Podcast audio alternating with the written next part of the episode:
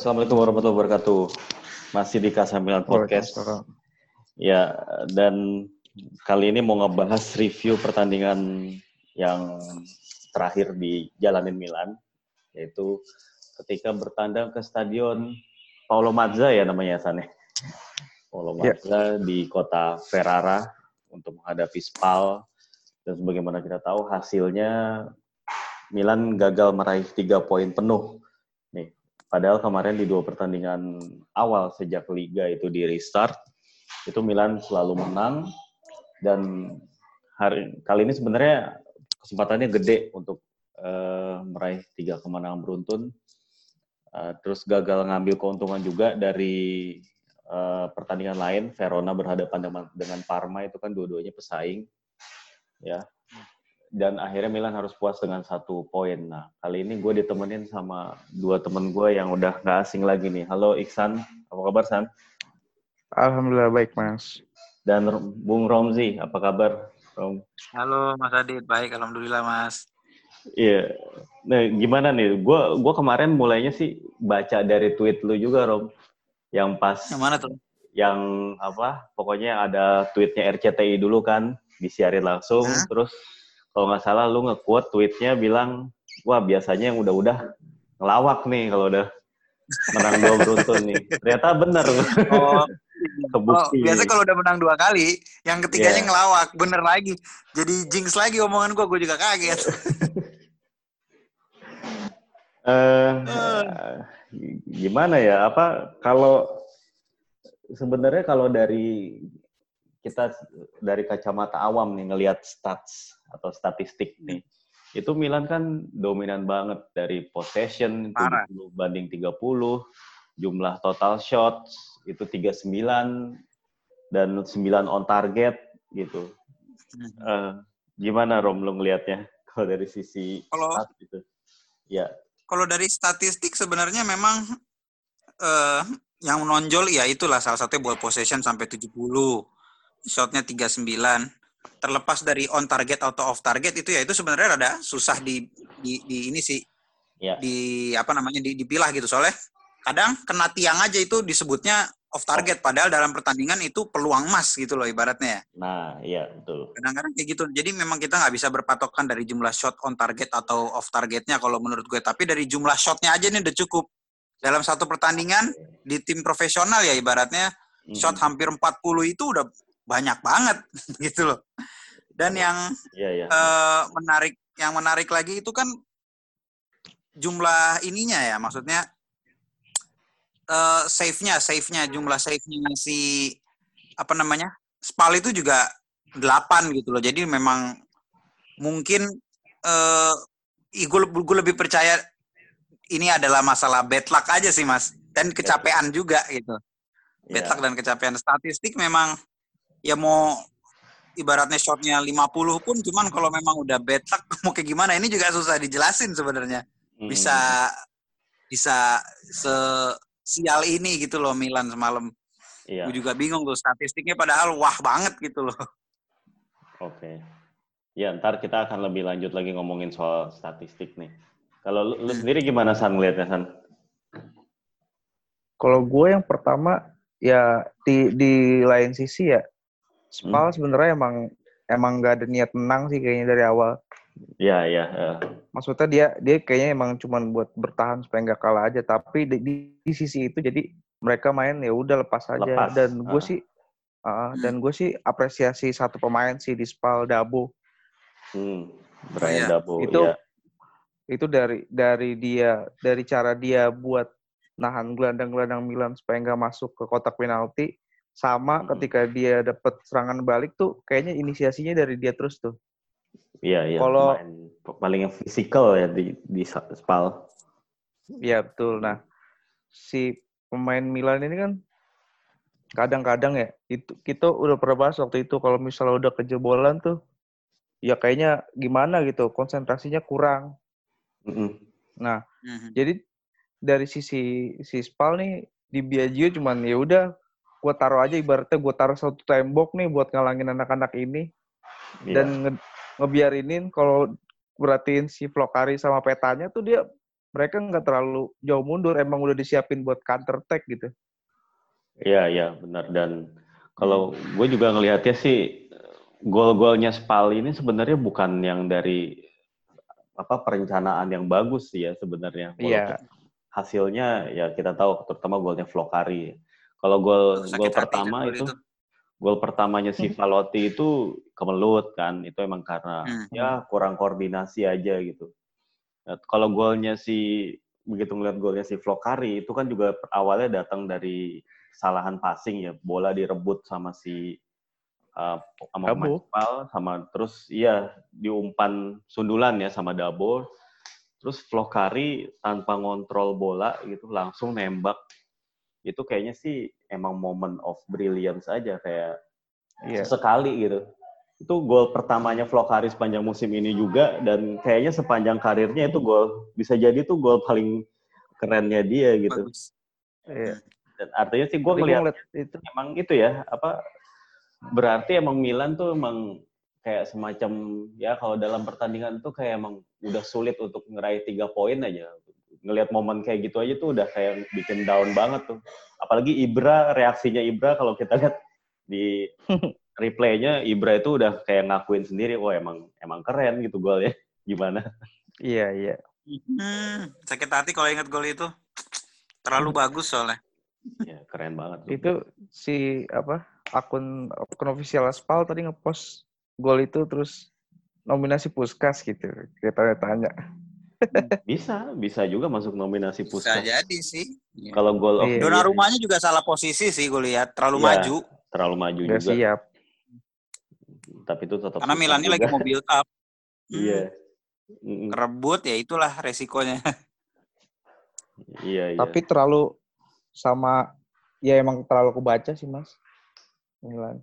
Nyerangnya hampir di babak pertama apalagi ya.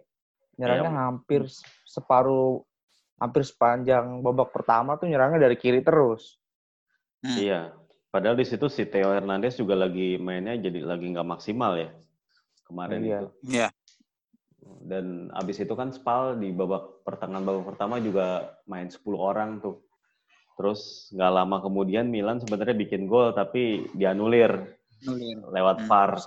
Cuman beda satu kaki kalau di di kanannya Rebic. Iya, satu kaki doang itu langsung apa ketangkep VAR dan dianulir. Padahal itu golnya keren tuh kalau kalau golnya itu sah itu menurut gue Milan ada peluang buat menang. Cuman itu karena di babak pertama ketinggalannya udah dua gol susah buat Milan yang ini buat ngejar gitu.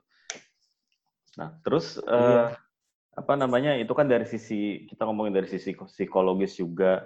Nah kalau dari sisi hmm. taktiknya Pioli sendiri ada komentar nggak mengenai uh, pemilihan pemainnya Pioli, terutama kan dia banyak ngelakuin rotasi nih, gitu. Hmm. Gimana? Kalau pemilihan uh, kalau pemilihan pemain sih nggak begitu banyak ya bedanya ya, cuma di Paketa sama si Gabia yang jadi starter. Iya. Sama di kanannya ada Calabria. Calabria Sebenarnya nggak nggak banyak nggak nggak nggak signifikan perubahannya, tapi memang ya itu lagi yang kayak pernah kita bahas sebelumnya masalah variasi build up-nya aja yang masih sama. Iya. Mainnya ada nusuknya dari uh, otaknya dari Hakan Calhanoglu segala apa uh, build up-nya dari kiri gitu loh kebanyakan. Dan kesalahan-kesalahan yang diulang juga masih sama gitu loh ibaratnya.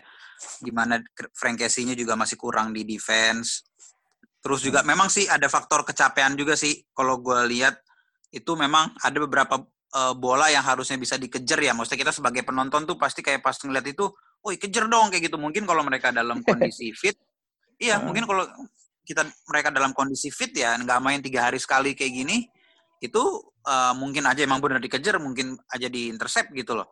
Yeah, yeah. Jadi memang kalau gue lihat eh, salah satunya itu dan yang kedua yang gue perhatiin selama ini Milan itu selalu kesulitan kalau ngelawan tim yang menggunakan formasi 3 back atau sistem 3 back.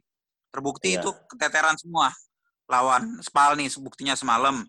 Lawan Udinese kita kalah, lawan Atalanta dibantai, lawan Inter kalah dua kali. Hmm. Bahkan lawan tim sekelas Juve, kita masih bisa bisa uh, Milan tuh masih bisa nahan imbang.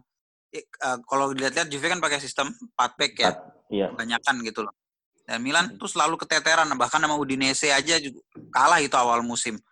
Yeah. Jadi ini uh, mungkin memang ada ada ada sesuatu kalau gue lihat kan kalau dengan sistem 3 back itu pemain itu kan akan ditumpuk di tengah sedangkan Milan itu yang benar-benar pure pivot itu cuma dua dari dari dari jumlah pemain di tengah aja udah udah kalah gitu loh.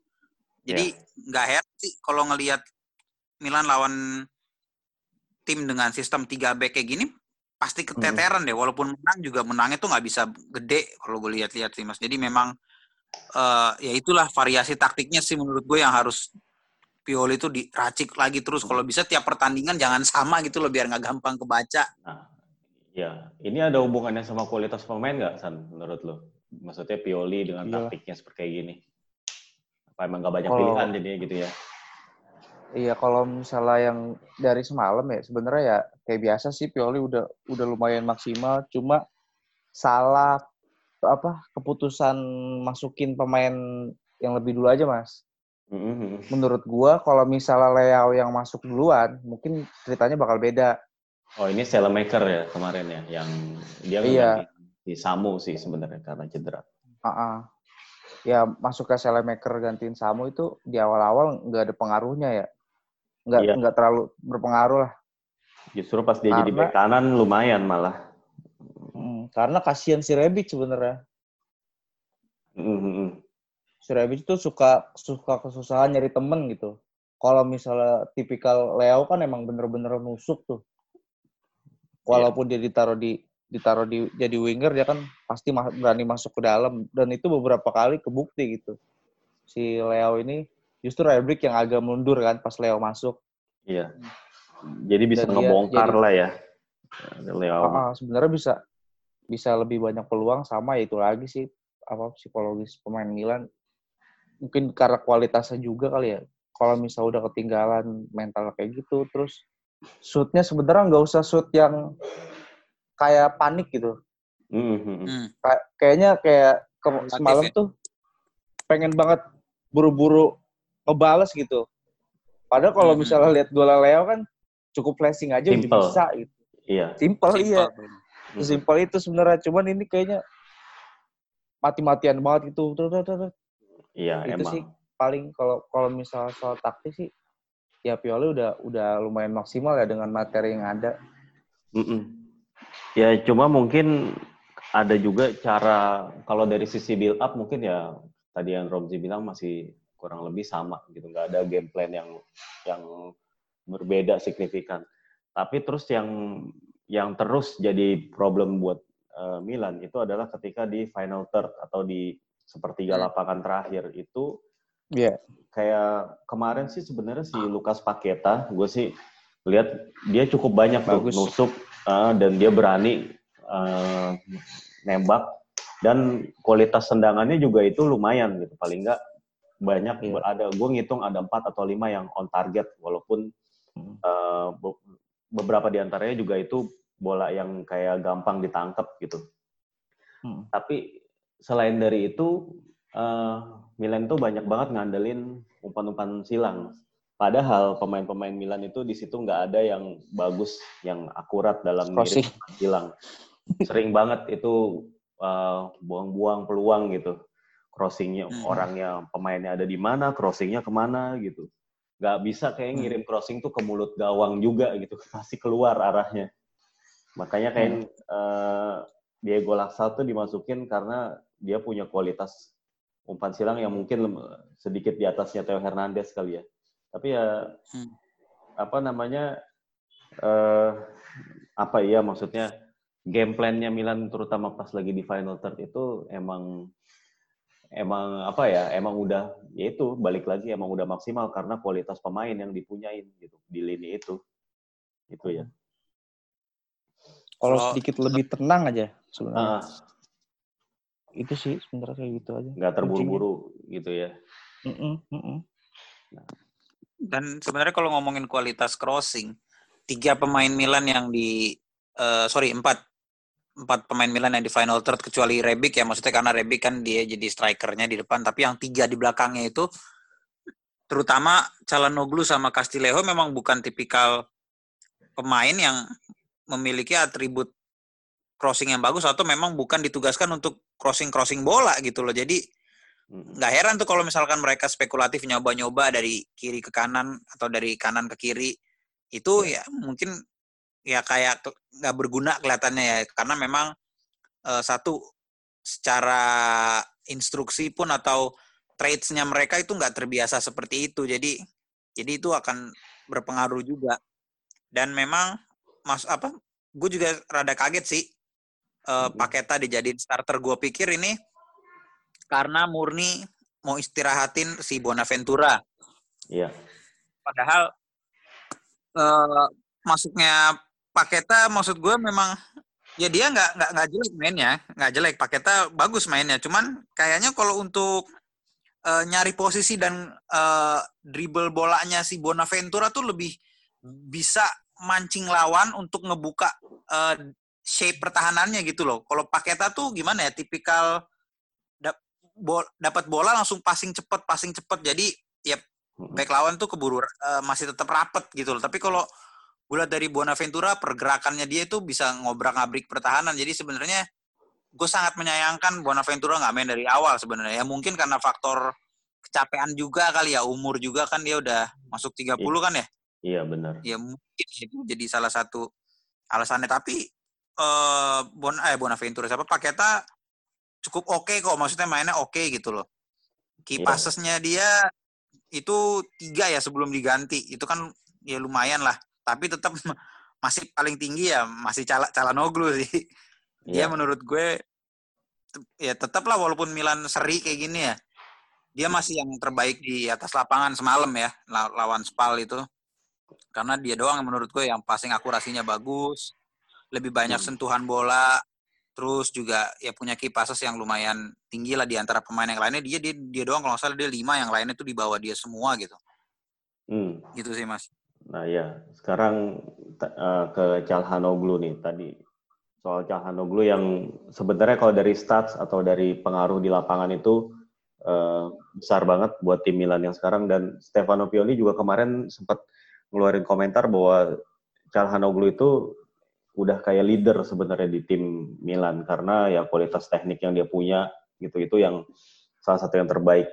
Nah tapi eh, balik lagi nih gue mau mungkin gue tanyanya agak ke depan nih. Kalau seandainya bener Rangnick itu emang jadi gitu ya, apa iya Cahanoglu itu emang orangnya gitu untuk benar-benar jadi leader atau jadi leadingnya serangannya Milan. Gimana nih menurut kalian berdua? Gimana San?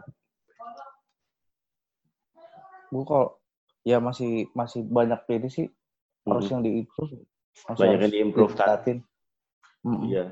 Kalau dari Hakan takutnya mentoknya segitu mas. Iya makanya gue juga agak-agak skeptis kayak maksudnya apa iya apa harus beli lagi pemain lain gitu kayak. Sama ini sih masalah Milan yang paling paling bener di app maksudnya. Paling hmm. parah gitu ya dia tuh nggak punya gelandang yang bisa nyari ruang di kotak penalti, Mas. Oh iya. Jadi kalau misalnya kalau misalnya dulu Milan dulu dia Bonaventura waktu masih, sebelum cedera ya. Iya, Atau ya sebut aja Mario Pasaliknya Milan lah. Iya, iya. Yang gelandang-gelandang yang punya kualitas kayak gitu. Nah, kalau misalnya ngeliat Milan nih udah udah mentok gitu, nyerang kayaknya tiga orang gelandang ini biasanya tuh cuma nunggu di luar buat ngesut dan itu kan back lawan tuh udah udah banyak yang nutup. Anggaplah iya, sama iya, aja kayak kayak lu mau ngesut terus ada kiper di depan kiper ada empat atau tiga back ya itu susah. Iya. nah makanya orang-orang apa gelandang-gelandang yang tipe-tipe kayak Pasali, kayak Dira gitulah. Minimal yang kayak kayak Dira lah yang hmm. bisa nyari-nyari ruang di kotak penalti itu Milan nggak punya sih kayaknya musim ini. Siapa coba?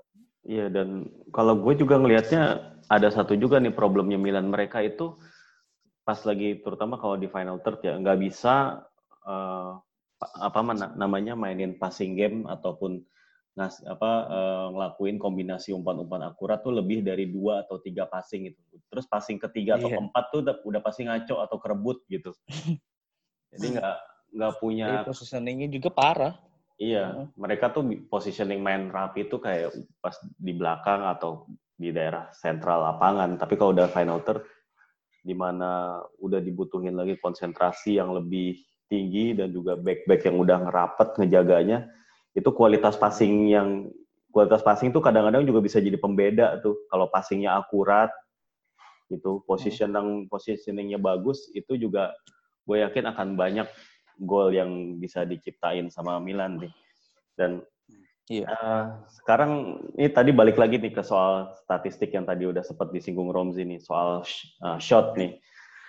Di sini juga paling uh, seperti yang tadi obrolan kita tadi pagi nih ngomongin soal uh, shot, soal shot on target, off target itu sebenarnya ada satu uh, unsur statistik bola yang sekarang itu udah udah sebenarnya dari tahun-tahun lalu sih udah banyak dipakai dan kelihatannya tuh lebih bisa diandalkan nih untuk ngegambarin pertandingan yaitu expect, expected goals.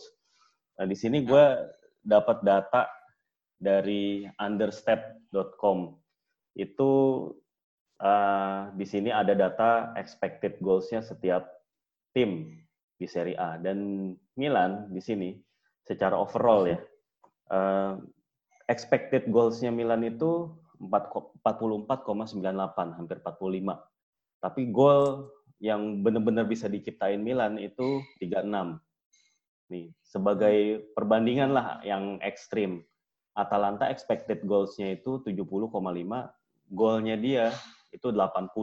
Jadi artinya kalau bisa disederhanakan cara ngebacanya eh, dari peluang bagus untuk bikin gol uh, yang ada 70,5 itu dari Atalanta, justru 80 itu bisa gol. Artinya penyerang-penyerang Atalanta itu punya conversion rate atau tingkat pemanfaatan peluang itu yang lebih baik karena mereka tuh nggak perlu kayak peluang matang banget bisa untuk bisa bikin gol.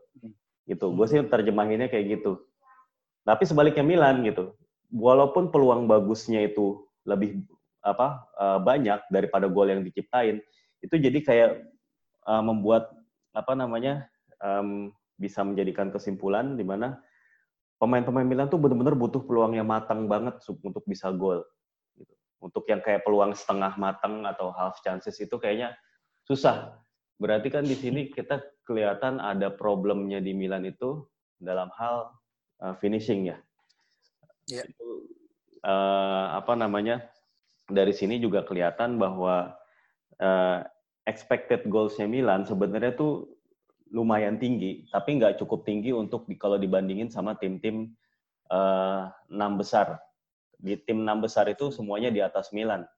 Expected goals yang artinya uh, dalam satu pertandingan itu uh, Milan emang bisa bikin banyak shot gitu atau banyak nyiptain berapa peluang, tapi yang di, yang dilihat kan kualitas peluang. Tadi yang kayak lu juga bilang, Rom, tendangan off target itu uh, bisa macam-macam bisa yang benar-benar jauh banget tapi kena tiang atau kayak di samping gawang itu juga masuknya off target gitu. Tapi harus bisa dilihat lagi emang dari dari tendangan-tendangan off target dan on target gitu berapa yang benar-benar uh, bahaya gitu nyiptain bahaya buat lawan. Inilah yang benar-benar kurang di Milan yang kelihatan banget dan makanya itu Milan tuh nggak salah sih kalau gue ngeliat fokusnya itu di apa namanya di midfield atau di gelandang karena para gelandang lah yang bisa dibilang banyak berperan untuk uh, nyiptain peluang buat rekan-rekannya di depan gitu.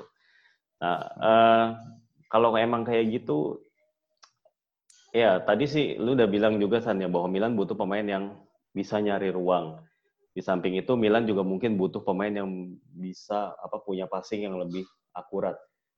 Tapi yang lebih juga eh, dibutuhin Milan itu pemain yang bisa bikin gol nih. Nah ini juga hubungannya sama uh, striker. Dari striker yang dipunyain Milan, Ibra, Leo, dan Rebic gitu. Kalau misalnya lu jadi Stefano Pioli dalam sisa musim ini, lu bakalan ngandelin siapa nih? Atau bagaimana nih kira-kira skenario yang harus dipakai sama Pioli? Kalau kalau ngomongin conversion rate atau uh, atau peluang di depan gawang itu memang balik hmm. lagi ke masalah uh, build build up lagi ya. Atalanta yeah. walaupun secara kualitas pemain atau cara ketenaran ya mungkin di bawah di bawah Milan tapi golnya dia uh, bisa udah nyetak 80 gol bahkan termasuk hmm. salah apa masuk ke dalam rekor cetak gol terbanyak di apa tim dengan gol terbanyak di Liga Italia salah satunya ya maksudnya. Yeah. Uh, dia ada peringkat 4 apa 5 gitu gue lupa secara total ya sejarah maksudnya. Hmm. Nah, itu kan build up lagi. Memang kalau uh, tim bermain pressing tinggi itu pasti akan uh, banjir gol dan banjir peluang, tapi juga banjir kejebolan. Nah, ini yang mungkin dilihat sama Pioli, Milan nih nggak bisa main kayak gitu. Karena kalau main kayak gitu otomatis Milan kayak dengan uh, bukan kualitas pemain tapi dengan karakter pemainnya yang bukan seperti itu malah akan dapat kejebolan banyaknya doang. Yang ada iya. nggak yeah. bisa golin karena kita bukan kita kita lihat tipe Hakan Calhanoglu, Hakan, uh, terus Samu Castillejo, Paketa, Bonaventura bukan tipe pemain yang memang bisa main pressing gitu loh. Yeah, iya. apalagi yeah. Samu gitu loh. Samu main pressing, dia aja bawa bola kena press dikit jatuh apalagi dia mau pressing orang dia bisa dibody balik ibaratnya gitu ya kan ini masuk masuk masuk lagi ke masalah fisikal juga kalau kita ngomongin soal uh, main pressing kayak gitu yang akhirnya bisa menimbulkan conversion rate yang uh, angkanya tinggi atau expected goals yang tinggi gitu loh. Yeah. Itu balik lagi ke masalah uh, masalah build up juga itu sangat penting menurut gue. Itu mungkin hmm. yang dilihat sama Pioli nggak bisa nih Milan kayak gitu dan uh, memang di atas di atas Milan di enam uh, besar gitu memang mereka otomatis uh, lebih gede karena uh, expected goals-nya. Karena memang secara taktiknya mereka tuh memang udah cocok sama uh, pemainnya. Sedangkan Milan dalam satu musim aja udah ganti satu udah ganti pelatih gitu loh. Yeah. adaptasi lagi berubah lagi. Taktik dari Gattuso ke Giampolo ke Pioli gitu loh. Ya hmm. kalau udah kayak gitu ceritanya susah mau mengharapin Milan bisa main kompak. Walaupun dengan materi pemain yang sebenarnya cuma beda.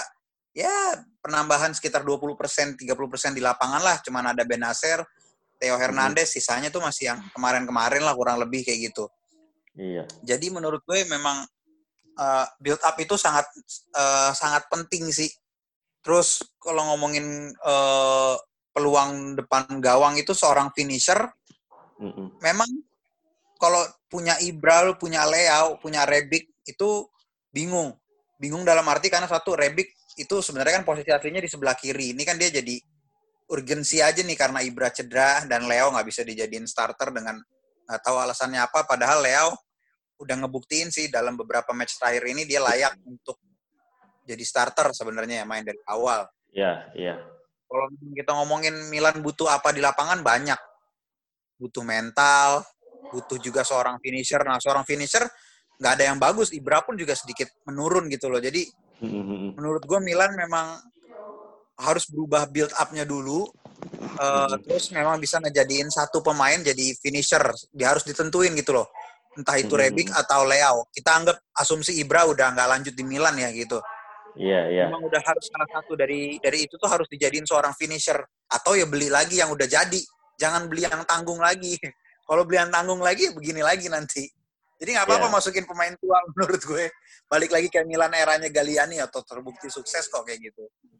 Jadi kalau yeah. ngomongin soal expected goals atau apa ya, kedua hal itu sih yang paling penting mas. Mm-hmm. Build up sama pemilihan pemain. Mm-hmm. Ya, gimana San? Ada yang lu tam- bisa tambahin atau gimana? Kalau ini kan masalah efektivitas ya. Mm-hmm. Ya kelihatan banget sih mas masalah Milan. Nggak usah lagi nyerang lah, lagi bertahan. Kalau misalnya dapat tendangan sudut tuh kecolongan banyak banget. Ya, ya. Maksud gue, maksud gue nih pemain Milan ini off the ball parah. The ball ya. Yeah. Uh, uh, off the ball. Kayak kayak orang lingung tuh banyak banget di di numpuk gitu. Ya kayak golnya Sebenernya, kemarin tuh, golnya Valotti itu kan nggak mungkin apa nggak usah terjadi ya. ya. Uh -uh. Iya. Iya sering sih mas kalau gol-gol kayak gitu dari tendangan sudut dan Milan pun nggak pernah jarang banget kan? Berapa hmm, kali sih? Golin dari tendangan sudut skema tendangan sudut. Kemarin tuh ada ya, 20 karena, 20 corner kick Milan dapat tapi nggak ada satupun yang gol. Iya kan? Karena pemain-pemainnya buat nyari ruangnya susah. Nah kalau misalnya sekarang SDM cuma segini nih. Ya udah yeah. pakai yang kemarin aja udah paling bener. Karena di di antara semuanya nih yang paling bagus baca ruang nih cuma Rebic. Iya, benar, benar. Kayak cuman dia cuman Rebic nih yang tahu bola mantul bakal ke mana, terus tendang hmm. harus ke mana, ibaratnya kayak gitulah. Kalau tipikal Leo kan tipikal yang skill sendiri lah kayak gitu. Ah, skill. Dan Iya, Ibra emang bisa bisa jadi manfaatin cuman buat pemantul aja sekarang gitu loh. Hmm. Kemarin pun. Ibra ya udah turun ya. Jadi berapa kali gue ngelihat juga bukan cuma di pertandingan ini doang sih. Di pertandingan Iya. lawan Fiorentina waktu itu terus lawan apalagi tuh. Pokoknya ada beberapa pertandingan deh. Peluang yang biasanya tuh Ibra gol tuh dapat bola-bola kayak gini, tapi dia miss juga gitu. Berarti emang Heeh. udah kelihatan penurunan juga dari sisi teknis dia gitu. Iya. Emang Sebenarnya usia. sih juga Mm-mm. apa? Masalah kayak gitu hampir ada di semua klub ya. Mm-mm. Bahkan sekelas Cristiano Ronaldo pun Iya. kadang-kadang buntu juga gitu. Cuman kan di beda kalau misalnya di Juve kan masih banyak pemain-pemain yang Yang bisa nyari ruang, bisa bikin peluang sendiri. Nah, di Milan tuh kurang banget ya itu. Nah, kalau misalnya mau kalau mau sebenarnya ada ada beberapa yang bagus sih semalam kayak misalnya ketika nyerang dari kiri nggak ada salahnya nih fullback kanan tuh ikut masuk ke dalam buat nambah-nambahin orang. Nah, Selemaker tuh sebenarnya lumayan bagus tuh dalam hal itu semalam. Ah, iya. Hmm, Iya. Ya kan, ya kayak Atalanta lah. Atalanta kan pernah kita bahas kan, Atalanta dia Hmm. numpuk orang di kanan, terus fullback kirinya nih Gosens biasanya tahu-tahu udah ada di depan gawang. Kayak gitu-gitu aja sebenarnya. Iya, nambah Gila jumlah orang. kadang- Iya nambah jumlah orang dan ya manfaatin ruang yang ada sih. Nah, itu Hmm. dia Atalanta memang jago overloading udah. Iya. Oke, Terus oke. gue mau ini sedikit mas Ah. ngomongin efektivitas tadi yang kayak Mas Hasan sebut, memang di atas lapangan walaupun ball possessionnya Milan lebih tinggi, shotnya lebih tinggi, tapi kalau kita lihat loss of possessionnya itu sama jumlahnya 21. Itu kan berarti nunjukin Atalanta lebih efektif walaupun dengan eh, jumlah ball possession yang lebih sedikit Benar, gitu loh. iya. Jadi memang eh, Milan tuh ini sama loh jumlah loss of possession. Berarti kehilangan bolanya 21 kali. Jadi menurut gue ball possession 70% tapi dengan loss possessionnya sama kayak Spal yang ball possessionnya itu cuman berarti berapa? 30%. 30. Menurut Iya. gue ya, 30. Berarti itu cuman eh, ini berarti kayak ya statistik eh ball possessionnya tuh kayak nothing aja gitu loh, kayak nggak ada guna jadinya ngelihat loss of possessionnya itu juga ternyata jumlahnya sama udah jelas kalah efektif Milan di lapangan gitu. Iya, benar. Eh, jadinya eh, apa namanya? Gue juga sekalian juga mau apa namanya kayak ngasih apa ya kayak semacam pandangan lah gitu ke pendengar juga sekalian kalau beberapa angka dalam stats itu nggak bisa kayak kita telan mentah-mentah ya nggak ya kayak misalnya ball possession lebih tinggi itu berarti otomatis timnya ngedominasi ya ngedominasi bola iya tapi ngedominasi serangan atau atau apa apa namanya menciptakan peluang itu kan hal yang berbeda.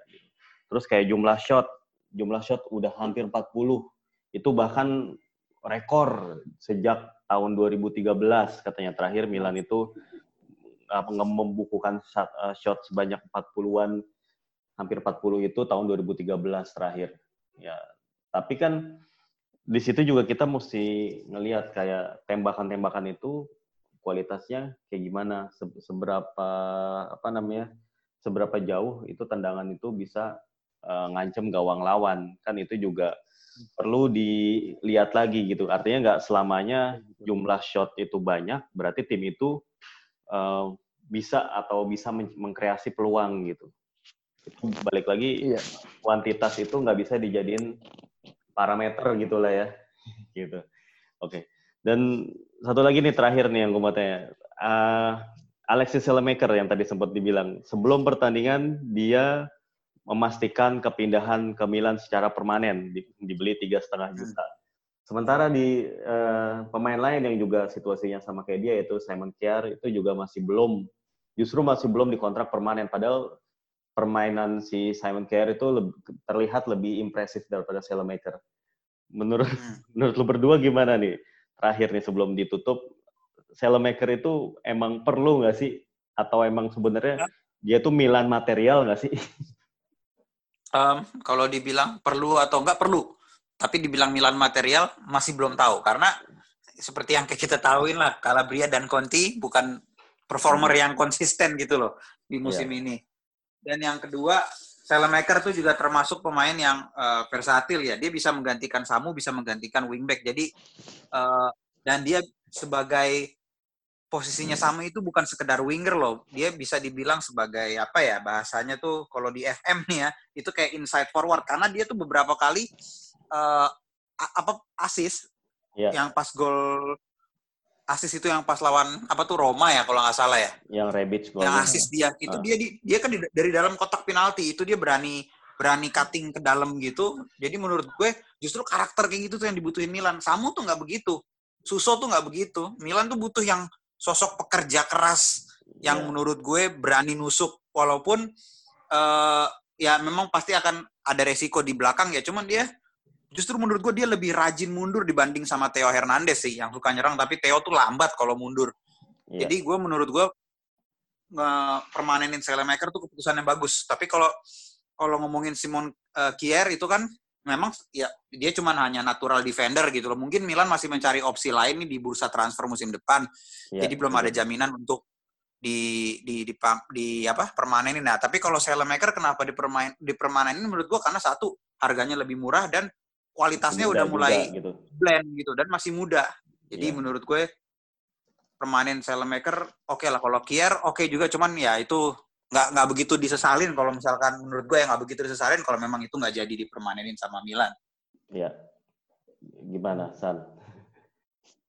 Kalau Kier kayaknya emang emang Milan masih nyari satu yang lebih muda sih kayaknya mas.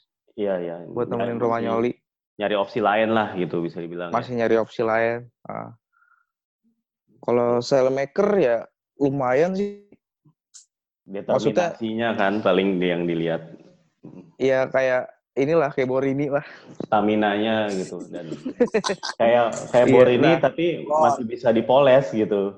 Ya. Uh, nah kalau mis pemain-pemain kayak gini tuh emang sering ini sih mas apa jadi jadi tumpuan kesalahan yang gue sayangkan ya Uh, Maksudnya karena dia terlalu banyak nyoba gitu loh, terlalu banyak gerak, terlalu banyak passing, inisiasi, ya. terlalu banyak passing. Jadi tuh orang tuh ketika dia melakukan beberapa kesalahan, pasti tuh apaan sih nih orang nih? Iya. Kagak jelas. Nah, sebenarnya tuh kalau dilihat dari cara usahanya itu bagus. Iya, dan itu kebukti kemarin salah satu usaha dia ngirim umpan silang berbuah gol bunuh diri dari pemain Spal. ya. Itu juga malam ya. iya, iya, iya. Yang terakhir. Oke, oke. Oke, uh, mungkin cukup pembahasan kita sampai di sini ya. Thank you banget Romzi sama Iksan udah oh, iya. udah ikut di podcast lagi. Oke, uh, sampai ketemu di pertandingan-pertandingan selanjutnya. Ciao. Ciao.